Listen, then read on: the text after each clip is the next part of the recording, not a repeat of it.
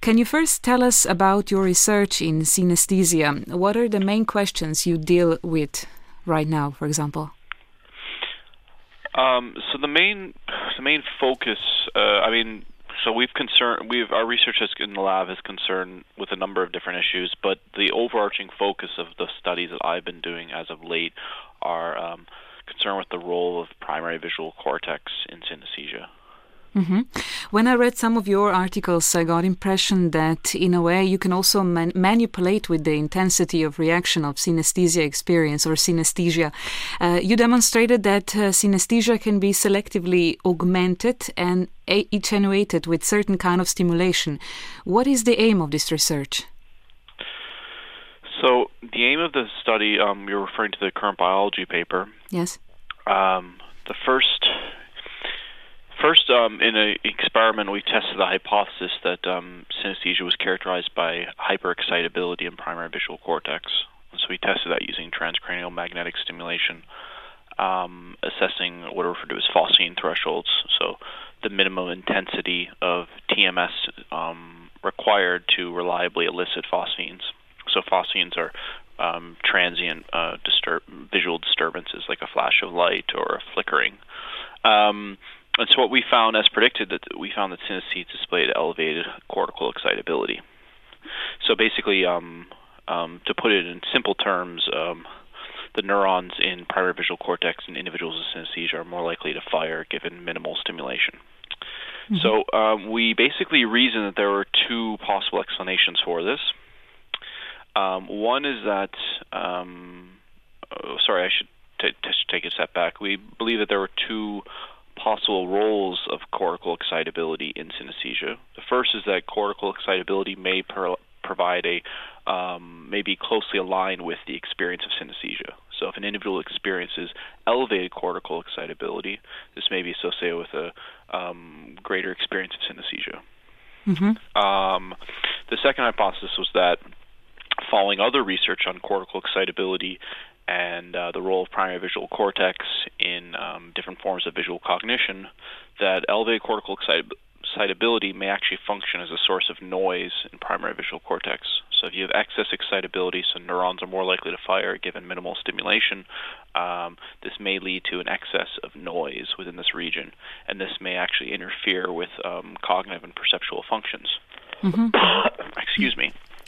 So, in the second part of the, the current biology paper, we then use a technique called transcranial direct current stimulation to um, enhance or decrease, enhance in one study and decrease in another study, um, cortical excitability in primary visual cortex to discriminate between these two hypotheses.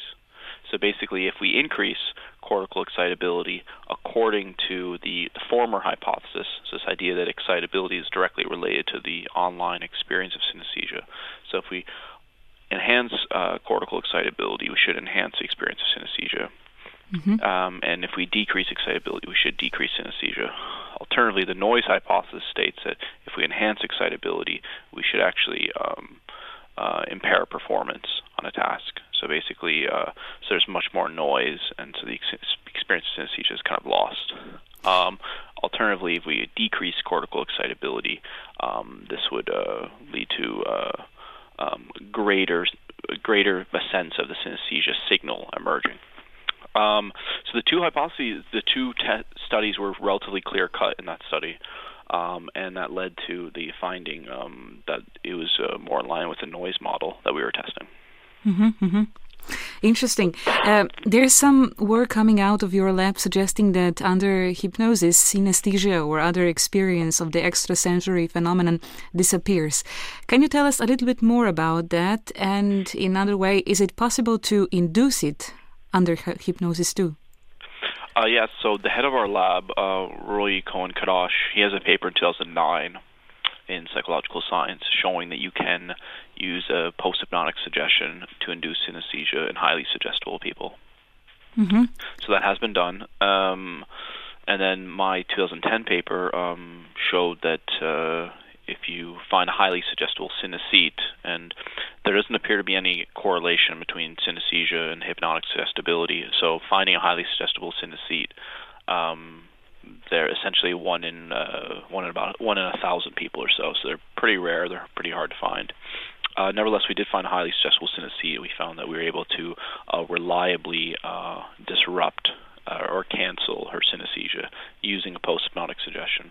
And we found that with both behavioral uh, data, um, her self-reports in terms of her phenomenological reports, as well as um, um, correlates of behavioral performance um, based on EEG. Mm-hmm. I didn't understand. Um, is there correlation or it, there isn't any? Uh, there isn't, to my knowledge. Um, I can say that we met, we end up in Oxford. We measured hypnotic suggestibility in approximately. Um, I don't have the numbers in front of me, but more than 20 synesthetes, and um, the data looked very similar to what you see in the general population. Mm-hmm, mm-hmm. So, um, I my based on that, I'm, I'm very much inclined to believe there's no relationship between hypnotic suggestibility and synesthesia. In one of your articles, you wrote about misconception of the idea of the cognitive science that there are examples of synesthesia being connected with fantastic memory abilities. Is there truly no connection between that? Yeah. So, um, so in that paper, um, we were essentially interested in this idea that um, there had been a previous article in Trends in Cognitive Sciences, and so if, if you're looking at this, it would be good to um, uh, if you're reading that article, it'd be good to read the other one as well by um, Nick Humphreys. Mm-hmm. And so Humphreys basically argued that um, there was a um, there's this chimpanzee who displayed um, very strong working memory capacity in a specific um, visual spatial working memory task. And Humphreys made what we believed was a relatively controversial um, hypothesis, and he argued that um, in this hypothesis that um, the chimpanzee had somehow developed synesthesia either by doing the task or doing other tasks, and that this aided his performance in the task, leading to his extraordinary working memory. Mm-hmm. So that was the basis for that. So um, we thought that was a really controversial claim. Um, so if you look through the literature on synesthesia and memory, um, there are isolated cases of people who have synesthesia who also do have extraordinary memory. Um, an excellent case is um, uh, the case uh, studied by Luria in the book uh, Mind of a Mnemonist. All right, so Luria was a famous uh, Russian uh, neuropsychologist, and um, his um, this case study was on an individual who was able to remember um, incredibly large um, matrices and um, series of numbers up into the thousands and could retain them for long periods of time. In certain cases, as more than decades uh, when they had test retest. And this individual also had synesthesia and seemed to use his synesthesia in various capacities to facilitate the memory. Um, nevertheless, um, we believe that these are isolated cases. So if you actually look, if you do systematic studies on large groups of synesthetes, um, what you find is that synesthetes um, will have superior episodic memory and working memory in certain contexts, um, but these effects tend to be relatively um, modest in size, so they're not huge dramatic effects. So the other issue is that um, the different synesthete um, case studies that have been done on synesthesia and memory, where they've argued that synesthetes seem to have excellent memory abilities.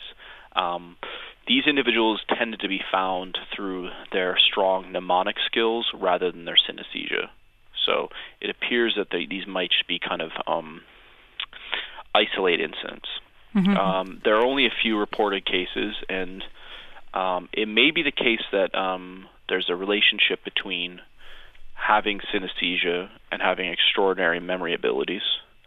Uh, but the vast majority of synesthetes do not have these extraordinary memory abilities.